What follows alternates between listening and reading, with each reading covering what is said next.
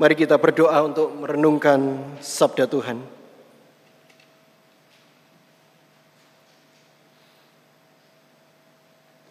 Di dalam kehidupan kami ada satu panggilan yang Tuhan nyatakan kepada kami. Tuhan merindukan kami bertindak, berkata-kata, dan bahkan berperangai selayaknya Tuhan kami. Biar saat ini ya Tuhan kami boleh memeriksa diri kami masing-masing dan bahkan hidup di dalam kelemah lembutan dan keramahan sebagaimana yang Tuhan nyatakan kepada dunia. Dan biar saat ini kami juga rindu untuk belajar mendengarkan firman Tuhan. Dan biarlah setiap apa pun yang boleh Tuhan nyatakan itu semua berguna dan bahkan mengubah kehidupan kami. Berfirmanlah ya Tuhan sebab kami anak-anakmu siap untuk mendengar dan melakukannya. Amin. Jemaat Tuhan yang terkasih bacaan kita pada hari ini diambil dari Injil Tuhan Yesus Kristus menurut Matius pasalnya yang ke-21 ayatnya yang pertama hingga ke-11. Matius pasalnya yang ke-21 ayatnya yang pertama hingga ke-11. Saya akan bacakan bagi kita sekalian. Ketika Yesus dan murid-muridnya telah mendekati Yerusalem dan tiba di Betfage di Bukit Zaitun, ia mengutus dua orang muridnya dengan pesan, Pergilah ke kampung yang di depanmu itu, dan di situ kamu segera akan menemukan seekor keledai betina tertambat, dan anaknya ada di dekatnya. Lepaskanlah kedua keledai itu dan bawalah kepadaku.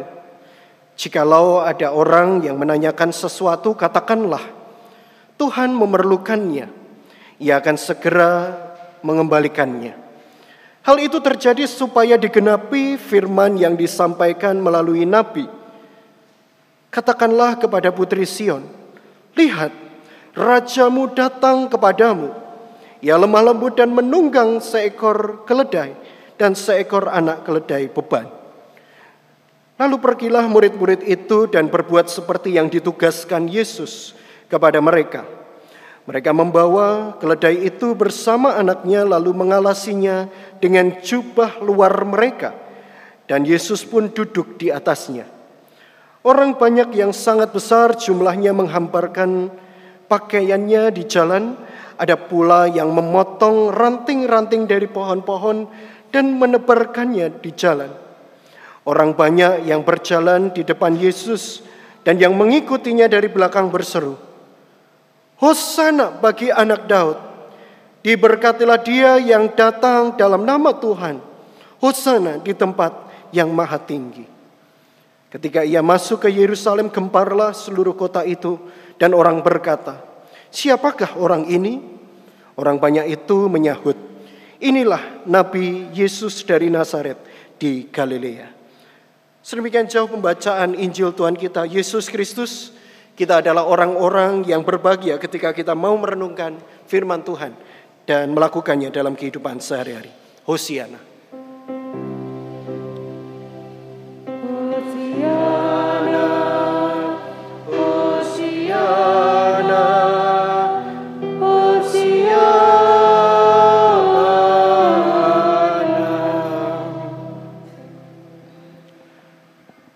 Minggu Palmarum atau Minggu Sengsara adalah salah satu hari raya dalam kalender gerejawi ya, yang menjadi pembuka pekan suci dan karya agung Kristus di atas kayu salib.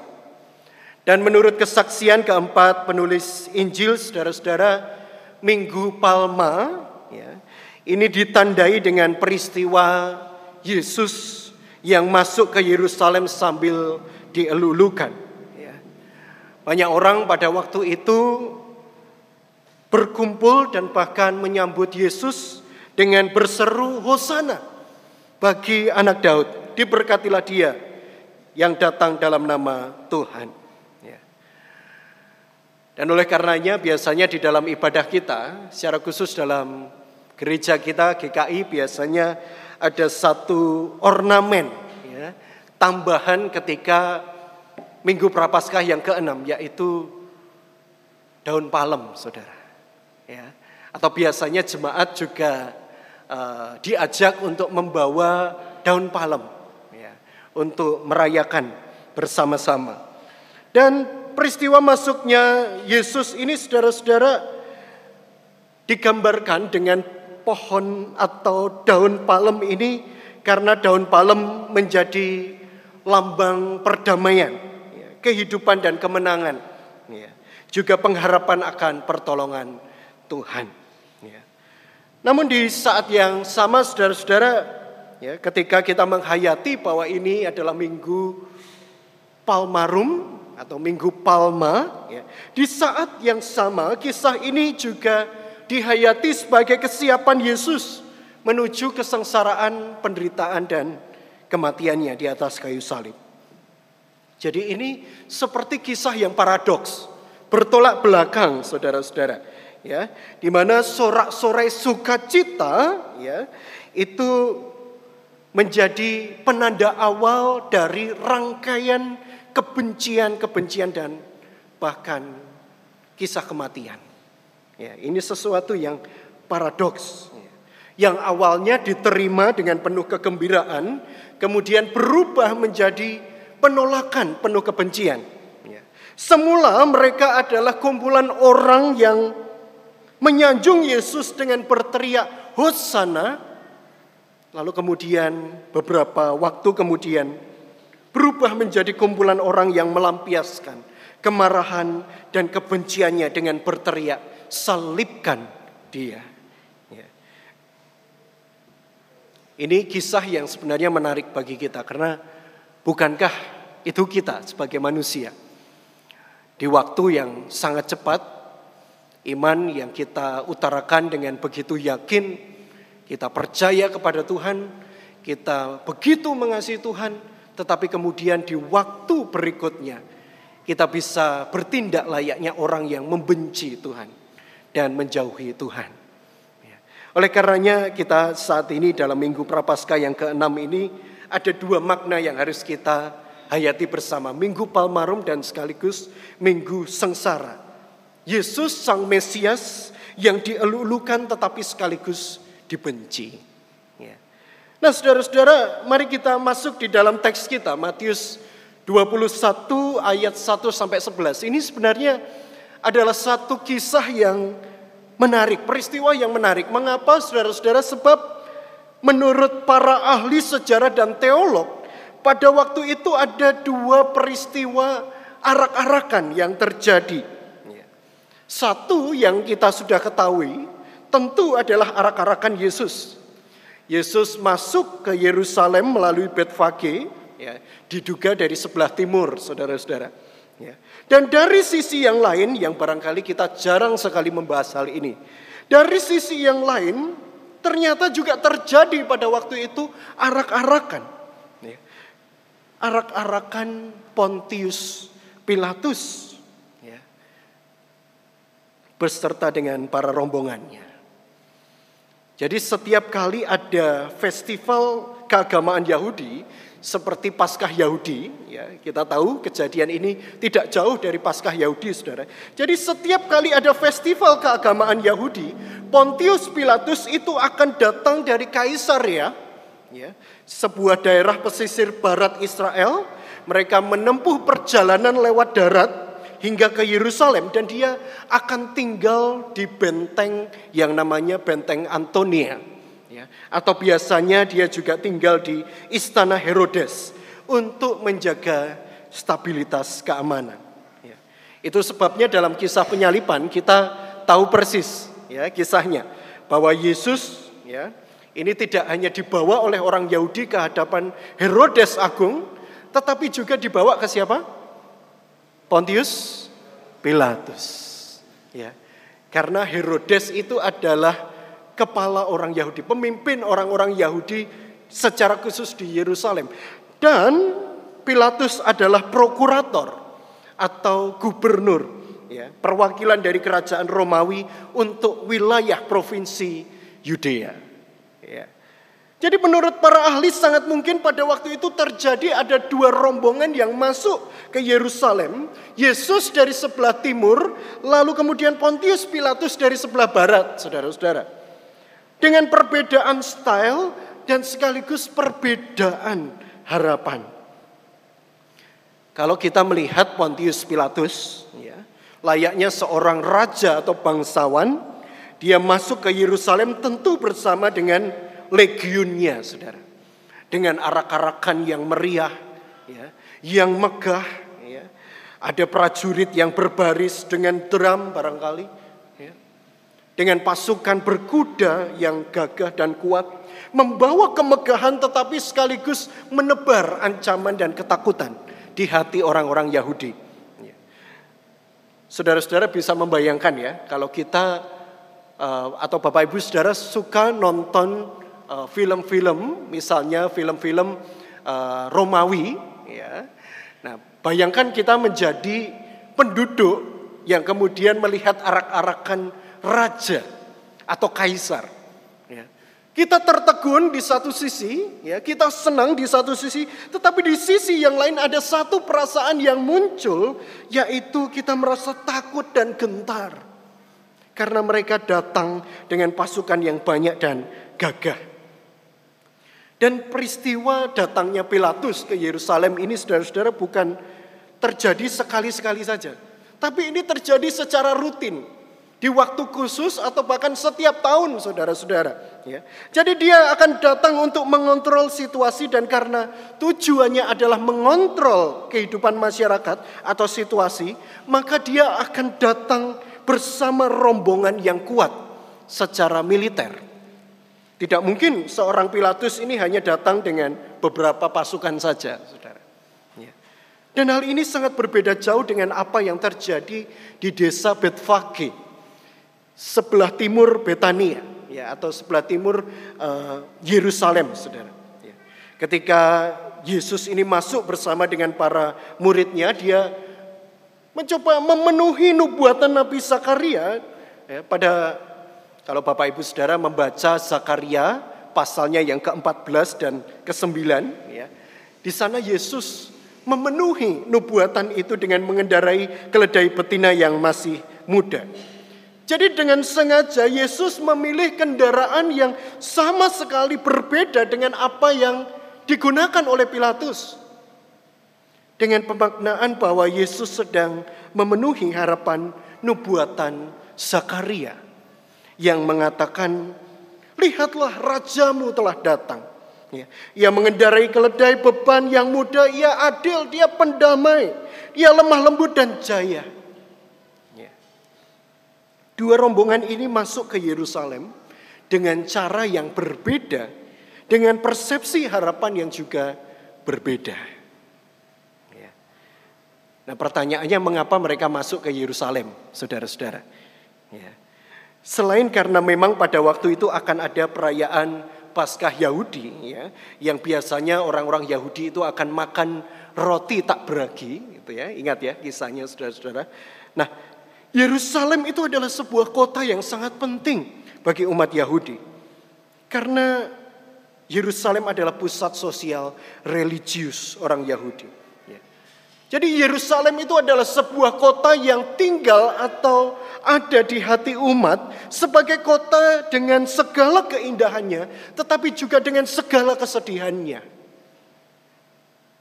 Kita mengingat saudara-saudara di dalam kisah perjanjian lama, ya, Yerusalem adalah tempat di mana Daud membangun kerajaan Israel dengan berbagai macam hal yang baik. Lalu kemudian Salomo juga membangun bait Allah yang begitu megah, simbol keagamaan orang Yahudi. Tetapi di sisi peristiwa yang lain kita juga mengetahui bahwa tahun 606 sebelum Masehi bait Allah ini dihancurkan oleh bangsa Babel dan Nebukadnezar. Ya. Bait Allah runtuh, Yerusalem juga hancur. Ini sesuatu yang tidak pernah dibayangkan sebelumnya oleh bangsa Israel dan orang-orang Yahudi, saudara. Ya. Mereka tidak pernah membayangkan bahwa kota yang begitu ia hormati atau ia cintai, simbol keagamaannya hancur lebur dan dijarah oleh bangsa asing. Ya. Mereka kemudian diboyong keluar Israel dan 50 tahun kemudian secara bertahap mereka baru diizinkan kembali ke Israel. Membangun bait Allah kembali tetapi yang lebih kecil pada waktu itu. Ya. Dan kita pun juga segera tahu bahwa setelah itu banyak sekali penguasa-penguasa dunia yang datang silih berganti menguasai Yerusalem. Ya. Dan kita pun juga tahu setelah itu ya, ketika Pembangunan bait Allah itu terus dilakukan secara bertahap hingga kemudian ada satu masa Yerusalem ini dikuasai oleh bangsa Romawi. Ya. Dan kerajaan Roma menobatkan Herodes Agung sebagai raja atas wilayah itu. Supaya dia bisa menjadi pemimpin atas kelompok orang-orang Yahudi. Dan dia membangun banyak hal pada waktu itu saudara. Termasuk membangun bait Allah yang lama dinantikan itu dibangun dengan sangat besar, sangat megah di atas lahan kira-kira 160 ribu meter persegi. Itu luasnya, tidak tahu seberapa, saudara. ya, luas sekali. Tidak heran kemudian Yerusalem dan Bait Allah kemudian menjadi pusat keagamaan dan bahkan kebanggaan Yahudi yang begitu lama dinantikan. Gagasan tentang Raja Daud, Mesias itu juga hidup sangat kuat di hati mereka sebagai orang-orang Yahudi. Itu sebabnya ketika Yesus datang banyak orang menyambutnya. Menghamburkan pakaiannya, ranting-ranting dan daun ke jalan sembari berteriak, Hosana bagi anak Daud. Ya. Karena apa ketika Yesus itu datang, umat Yahudi langsung terkenang, teringat ya, sosok Zakaria dan Daud yang pernah menyelamatkan mereka. Ya. Ada harapan mesianik yang muncul. Harapan akan hadirnya sang juru selamat. Ya. Hosiana atau Hosana itu berarti selamatkanlah kami sekarang. Ya. God save us now. dalam bahasa Inggris. Nah saudara-saudara bisa kita bayangkan perbedaan dua sosok yang masuk Yerusalem ini. Ya. Pilatus datang dengan kekuatannya, kejayaannya, kemegahannya, tetapi juga sekaligus menebar ketakutan, ya, ancaman yang besar, membuat hati para umat ini tidak damai sejahtera. Dan di sisi yang lain datanglah Yesus dengan segala kebersahajaannya. Yesus datang dengan teologi perdamaian, teologi kelemah lembutan, teologi kejayaan, tapi dalam perspektif yang berbeda yang melegakan, yang mendamaikan. Ya. Apa yang Yesus bawa saudara-saudara? Ya. Yang Yesus bawa ini teologi kerajaan Allah.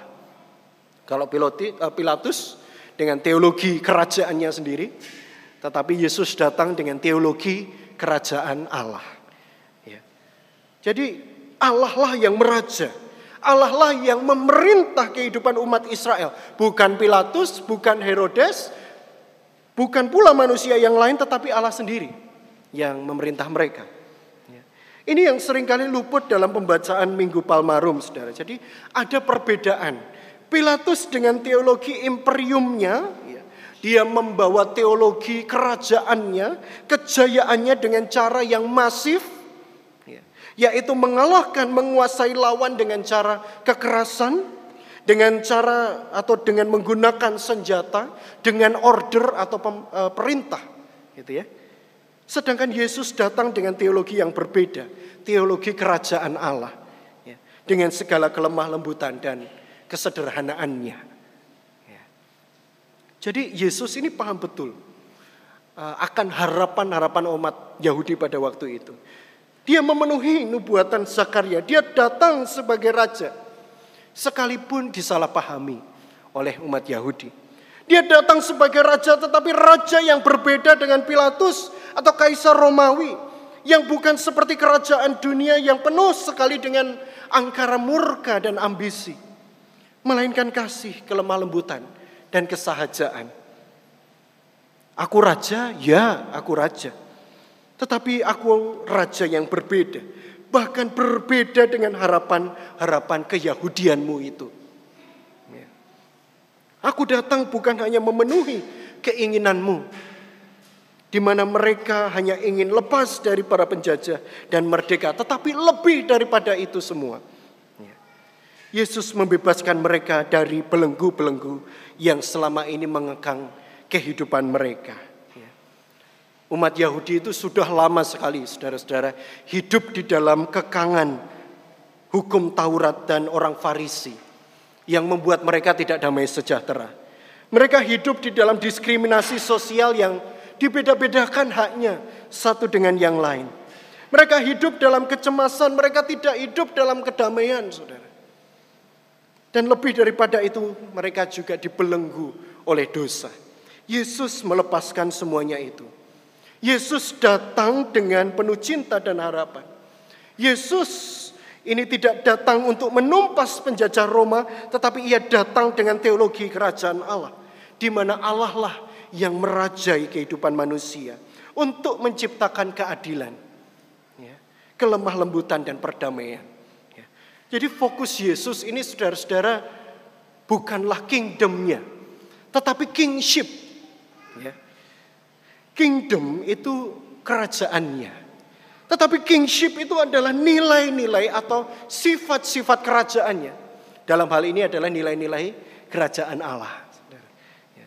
Yaitu apa? Ya adil, lemah lembut, dan damai sejahtera. Oleh karenanya kita pun juga melihat saudara-saudara di dalam Injil Matius ini sering sekali menuliskan tentang kelemah lembutan. Ya. Di dalam Matius 5 ayat yang kelima, berbahagialah orang yang lemah lembut, karena mereka akan memiliki bumi. Matius 11 ayat 29, pikulah kuk yang kupasang dan belajarlah daripadaku. Karena aku lemah lembut dan rendah hati. Dan jiwamu akan mendapatkan ketenangan.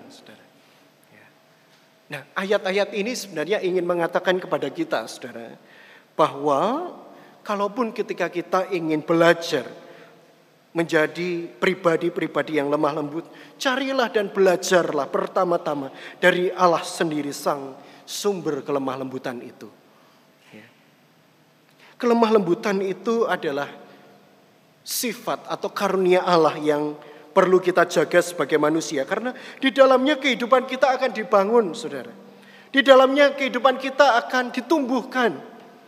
Dengan kelemah lembutan kita akan beroleh kedamaian dan hikmat serta kekuatan. Ya. Kata lemah lembut dalam bahasa Yunani, praus, kata sifat, itu memiliki beberapa arti saudara-saudara yang bisa kita pelajari bersama, kita hayati bersama. Pertama, orang yang lemah lembut adalah orang-orang yang selalu marah. Marah tepat pada waktunya, tepat pada caranya.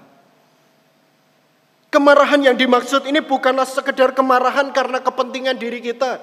Ketika kita diejek oleh orang lain, ketika kita dihina oleh orang lain, tetapi marah untuk kepentingan orang lain. Marah ketika melihat orang lain menerima ketidakadilan dan ditindas. Marah ketika ada orang yang dilukai. Kita berani ambil sikap yang benar dengan bijaksana. Jadi ketika kita tahu misalnya saudara kita, atau misalnya rekan pelayanan kita, ya, kemudian terluka oleh perkataan dan perbuatan orang lain, kita meluruskan apa yang benar dan kemudian menguatkan, mendamaikan mereka yang terluka. Seringkali yang kita lakukan, saudara, kita hanya berusaha meluruskan apa yang benar. Tetapi mereka yang terluka tidak kita hibur, tidak kita kuatkan, saudara. Kita biarkan saja. Oh kita percaya, oh dia sabar kok orangnya. Gitu ya. Oleh karenanya sekarang saudara-saudara jangan pernah sungan untuk kita mengatakan, Pak, Bu, Bapak saya doakan ya supaya kuat, sabar. Satu dengan yang lain. Itu adalah ciri kelemah lembutan, saudara. Ya. Kedua, lemah lembut itu juga berarti mengendalikan diri dan mengontrol diri. Kata pros itu identik dengan proses menjinakkan binatang, saudara. Ya. Seperti Yesus dengan lemah lembut, dia mengendalikan keledai. Ya. Keledai itu hewan yang penurut, saudara. Tidak bisa berjalan cepat. Artinya ibarat kita ini adalah keledai dan Yesus itu adalah penunggangnya, maka kita pun juga belajar untuk nurut dengan sang empunya hidup dan tidak cepat-cepat melakukan sesuatu sesuai dengan kehendak kita sendiri. Keledai itu biasanya sehari-hari hanya disuruh untuk mengangkat beban, saudara. Dan pemiliknya itu ada di depan. Tidak akan pernah bisa keledai itu berjalan sendiri, saudara. Ya. Sehingga apa yang ada di dalam kisah kita ini menarik. Yesus menunggangi keledai. Dan hanya orang-orang tertentu saja yang bisa, orang-orang yang pintar yang bisa mengendalikan keledai itu. Ya, sesuai dengan arah yang diinginkannya. Ketiga saudara-saudara lemah lembut itu juga berarti bersedia menerima keterbatasan dan kesulitan yang ada tanpa melampiaskan kejengkelan kita terhadap orang lain.